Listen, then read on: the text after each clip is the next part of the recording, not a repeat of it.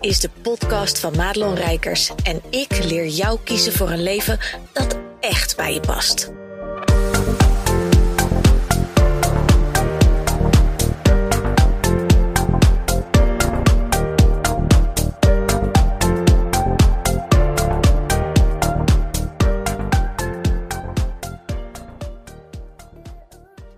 Hey, goed dat je luistert naar deze podcast. En in deze podcast ga ik je even meenemen in de, de vorige week. Daar heb ik mijn driedaagse Doe Lekker Even Niet Normaal training gegeven. En dag 1 bestond helemaal uit rust en ruimte. En dat zijn natuurlijk van die lekkere containerbulkwoorden. Maar als je snapt wat de allereerste stap is naar sowieso groei, in welke fase je dan ook zit als ondernemer, ehm, dan ga je veel beter begrijpen hoe je focus kunt houden. Een van de grote problemen die uh, ondernemers in het algemeen hebben en mijn klanten ook, is uh, doordat ze niet zo goed weten waar ze naartoe moeten, is er geen focus, doen ze maar wat. En wat ze doen uh, in hun oude bedrijf, dat loopt. Weet je, daar zit wel een structuur in en, en dat snappen ze wel. Maar die overstap maken naar het volgende level, of dat nou in omzet, in klanten, in, in, in verdieping, in de boel omgooien, meer je zielsmissie leven uh, daar, daar zijn ze al over the place. En als je een overstap wil maken, of je wil opschalen, of je wil wat dan ook aanpakken in je bedrijf, dan is de eerste stap, als je het mij vraagt, altijd rust en ruimte. En dat betekent niet letterlijk dat je een weekendje de boer op moet gaan en uh, daar even helemaal een token voor jezelf moet regelen en dat dat allemaal nodig is, want anders kun je niet rustig nadenken. Nee, dat valt of staat met hoe steady sta jij in jezelf en pas jij alles al toe wat je weet over jezelf ten aanzien van de wet van de aantrekkingskracht, uh, contact en verbinding maken met jezelf. Ik hoor mijn klanten altijd zoveel mooie dingen vertellen die ze hun eigen klanten leren. Maar als ik dan kijk naar hoeveel van die dingen doe jij dan zelf, en ik zeg even jij, maar je snapt wat ik bedoel, dat zeg ik dan tegen mijn klant, ja, dan valt het een beetje tegen. En dat is heel logisch, want we willen allemaal de shortcut. Als ik niet oplet, dan uh, wil ik ook recht door. Meteen hoppetee over de rotonde heen scheuren met mijn karretje. En ik gebruik even een metafoor, hè. Maar dat gaat soms niet. En ik heb daar de afgelopen drie dagen, er zijn heel veel dingen die aan de achterkant aan elkaar gevlochten moesten worden. Enerzijds omdat ik sinds, nou, laten we hem even pakken, een jaar of drie misschien, denk ik. Uh, tweeënhalf al niet zo'n driedaagse soort training heb gedaan via zo'n softwareprogramma, um, met alle mailtjes, replays, aanbod, et cetera eraan gekoppeld. Plus dat het aanbod wat ik daaruit heb verkocht ook nog een hele uitdaging was, omdat technisch allemaal aan elkaar te vlechten dat het administratief ook nog klopt. Nou, dit klinkt misschien een beetje wazig voor je, maar trust me, dat zijn dingen waar je tegenaan gaat lopen op het moment dat je naar dat volgende level gaat. En om dat te kunnen dragen, om daar in alle rust en alle ruimte bij aanwezig te zijn, om focus te houden. Want zo'n systeem opzetten, in mijn geval, zo'n driedaagse doen, dat vraagt structuur. Dat vraagt dat ik als ondernemer in staat ben om dat uit te denken, om het vervolgens uit te zetten naar het team. En daar hoef je echt niet te denken dat er, dat er tien mensen allemaal bezig zijn. Maar dat is Marina die daar tussen zit als, als mijn OBM. Hè. Dus met haar heb ik het overleg en zij zet het uit naar de mensen die uitvoeren. En dat zijn uh, twee technische VA's. Eentje die zich helemaal bezighoudt met de achterkant en de website en allemaal betaalpagina's. En de andere die is bezig met alles wat gaat over de mailtjes en het webinarsysteem. En op het moment dat ik niet de persoon ben die de stress kan dragen, die het overzicht kan houden, hoe kan ik dan in vredesnaam ook het team aansturen? Want wat ik zie gebeuren bij veel ondernemers is dat ze denken, als er een tijdprobleem is, hè, van nou, als ik dan maar een VA heb of, of ik gooi nog meer over de schutting ergens, dan heb ik zelf wel meer rust om iets uit te denken. Maar het tegendeel is vaak waar. Zeker op het moment dat je iemand aan gaat nemen, want dat is eigenlijk wat je doet ook al is het in, niet in dienst, in loondienst. Je bent toch bezig met een, een vorm van sollicitatie. Dat vraagt juist heel veel aandacht en tijd. Uh, plus dat je iemand natuurlijk ook helemaal moet inwerken. En daar gaan heel veel ondernemers nog wel eens even op hun bek mee. Dus dat is even, even een zijtipje van mij. als je denkt, goh, misschien moet ik een keer een VA aannemen, ga dat nu al doen. Want tegen die tijd dat jij denkt dat je zo iemand nodig hebt, dan ben je al te druk om het goed over te dragen. En heel vaak krijgen de VA's het op hun bord en die worden beticht hè, van ja, maar dat is dan niet de juiste match. En het is heel vaak niet waar. Die mensen worden gewoon niet zo goed ingewerkt. En VA's zijn altijd mensen die heel dienstbaar zijn. Natuurlijk zit er ook, hè, je moet kaf van het koren scheiden.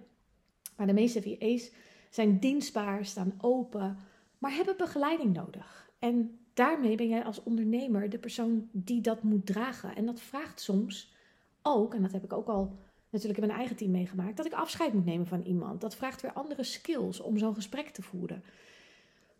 Maar hoe meer ik in de rust en de vertraging zak, en dat is natuurlijk ook de hele point van deze podcast, hoe beter ik kan voelen welke besluiten ik te nemen heb. Nou, om je even een concreet voorbeeld te geven. De dag van de driedaagse. Eigenlijk loopt alles. Er waren wel wat technische mankementjes, hobbeltjes, maar allemaal niet heel spannend. De dag van de driedaagse ben ik om 6 uur opgestaan. Dan kan je denken, but why? Maar ik weet inmiddels dat als ik dan naar boven ga, mijn kantoor is boven, er staat lekker een bank. Het is eigenlijk ook een semi-bioscoopzaaltje, dingetje met uh, beamer en zo. Dus, dus het is een multifunctionele kamer, laat ik het zo zeggen. Want ik zeg zaal, daar moet je je ook niet veel bij voorstellen. Maar het is een grote kamer, mooie kamer met van die gebinten. Het is natuurlijk een boerderij. En in de ja, nis, de grote nis, daar is een beetje mijn woman cave. Hè. Dat is ook altijd wat je op video's ziet met dat plankje, met die kikker en die, en die middelvinger en de roze muur. Maar de rest van de kamer is gewoon wit. Er staat een grote uh, tweedelig bankstel. Er staat een tafel, er staan kasten. Dus uh, ik ga daar zitten. Dan doe ik een meditatie. Ik doe kaarsjes aan, want die staan hier allemaal. Ik heb een keer ook muziek aangedaan, maar ik kwam erachter dat in de stilte eigenlijk beter werkt. Dat is heel gek, want ik ben altijd wel mezelf een beetje aan het afleiden met muziek. Ik denk altijd dat ik dat nodig heb, maar dat is helemaal niet waar. En door om zes uur ochtends gewoon even wat yoga oefeningen te doen, even helemaal uit dat hoofd. Want als ik in dat hoofd blijf zitten, dan neemt het me mee in de gedachtenstroom. Dus even helemaal uit het hoofd, helemaal in dat lijf. Ik ben gaan schrijven, schrijven, schrijven. Zoals mijn lieve vriendin Marlies van der Hout zegt, elke dag even je kop leeg schrijven. En dat is, dat is zo helpend. Want er zaten echt wel een aantal spanningen in mijn hoofd, een aantal angsten in mijn gedachten. En ik was de avond ervoor natuurlijk, begon het al een beetje dat ik oeh, wiebelig werd. Ik voelde de kribbel al komen. Gaat het wel goed komen? En zullen er wel mensen opkomen dagen? Ik wist natuurlijk wel, ik had 120 plus inschrijvingen, maar komen er dan wel mensen live? En gaat het allemaal wel lukken? En knalt de techniek er niet uit? Nou, allemaal dat soort dingen. Door dat allemaal na die yoga, na de stilte, even helemaal in een boekje kwijt te schrijven, was ik het uit mijn aura kwijt. Dus je moet je voorstellen, ik heb zo'n soort A4 mooi glitterboek. Daar is twee pagina's vol met allemaal dingen die mis zouden kunnen gaan vanaf het moment dat ik begon. Tot ver nadat ik een aanbod heb gedaan en waarvan ik natuurlijk heel erg hoopte dat mensen dat gaan kopen. Dus je doet er alles aan om de teksten te doen, om het zo'n tof mogelijk aanbod. Mijn hele ziel en zaligheid ligt ook in dit aanbod. En de techniek kan het zomaar voor je opfokken. Mensen krijgen de mailtjes niet, uh, de linkjes werken niet, uh, servers die daaruit liggen. Nou, je kan het zo gek niet verzinnen. Of het kan allemaal gebeuren. Als ik jou dat nu vertel en jij weet dat allemaal nu nog niet, dan ga je je nu al druk maken over iets wat er mogelijk wel of niet in de toekomst bij jou gebeurt. Maar technische mankementen en dat soort shizzle, dat, dat komt er gewoon bij kijken. Mensen shit, um, klanten shit, komt er altijd bij kijken als je gaat groeien. Daarom hamer ik, er, altijd zo op dat de wie moet je zijn in die fase veel belangrijker is dan het wat moet je doen.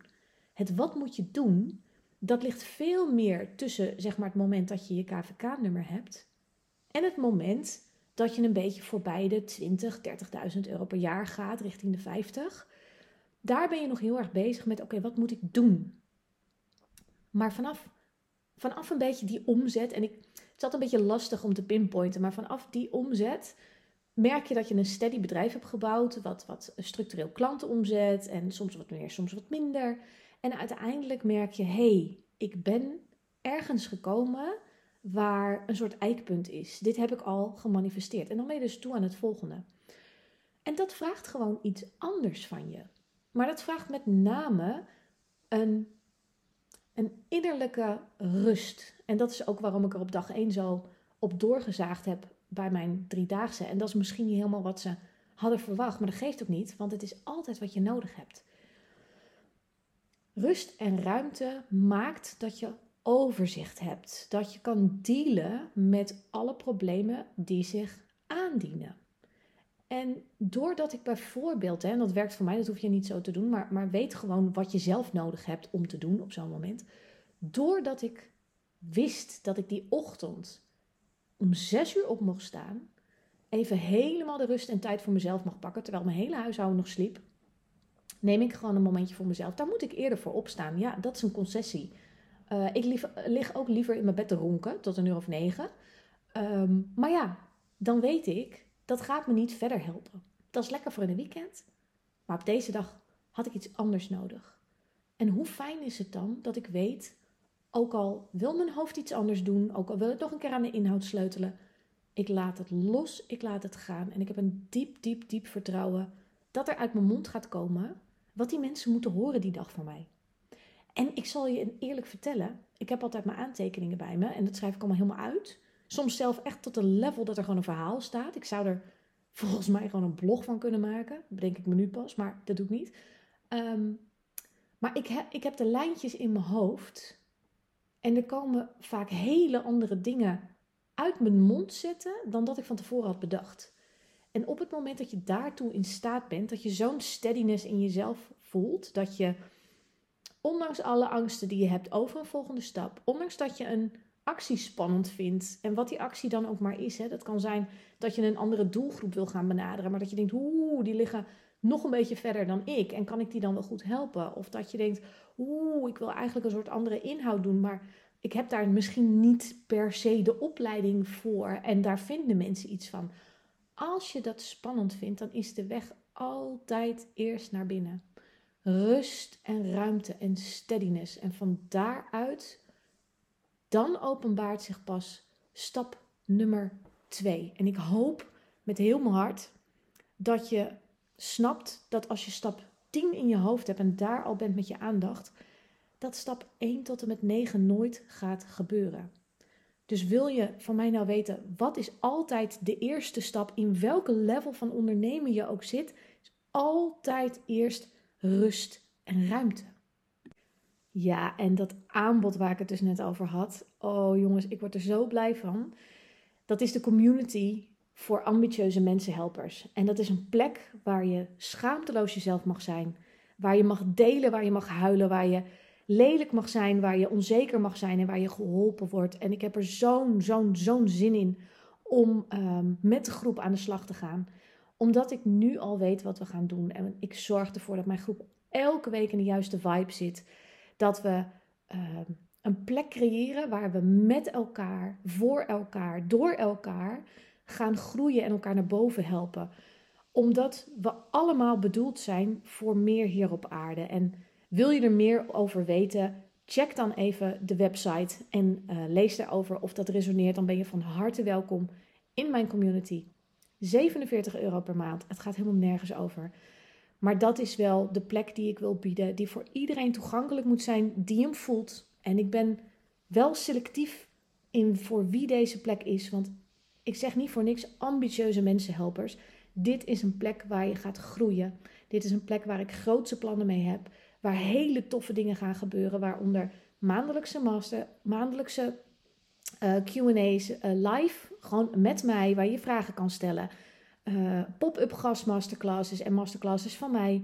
Wat de ene keer kennisoverdracht is over onderwerpen die jouw bedrijfsgroei en jouw persoonlijke groei gewoon gaan bevorderen. En andere keren uh, laat ik experts komen die echt sessies gaan geven op verschillende gebieden, zodat je ook kunt ervaren dat je de tools aangereikt krijgt om zelf ook te kunnen voelen, maar wat past bij mij? En het wordt zo'n mooi geheel. En ja, jij bent van harte welkom om daaraan deel te nemen. Dus mocht je die uh, nu al voelen in deze podcast, check dan heel even de website en uh, dan kun je je direct aanmelden. En dan zie ik je in de community voor ambitieuze mensenhelpers.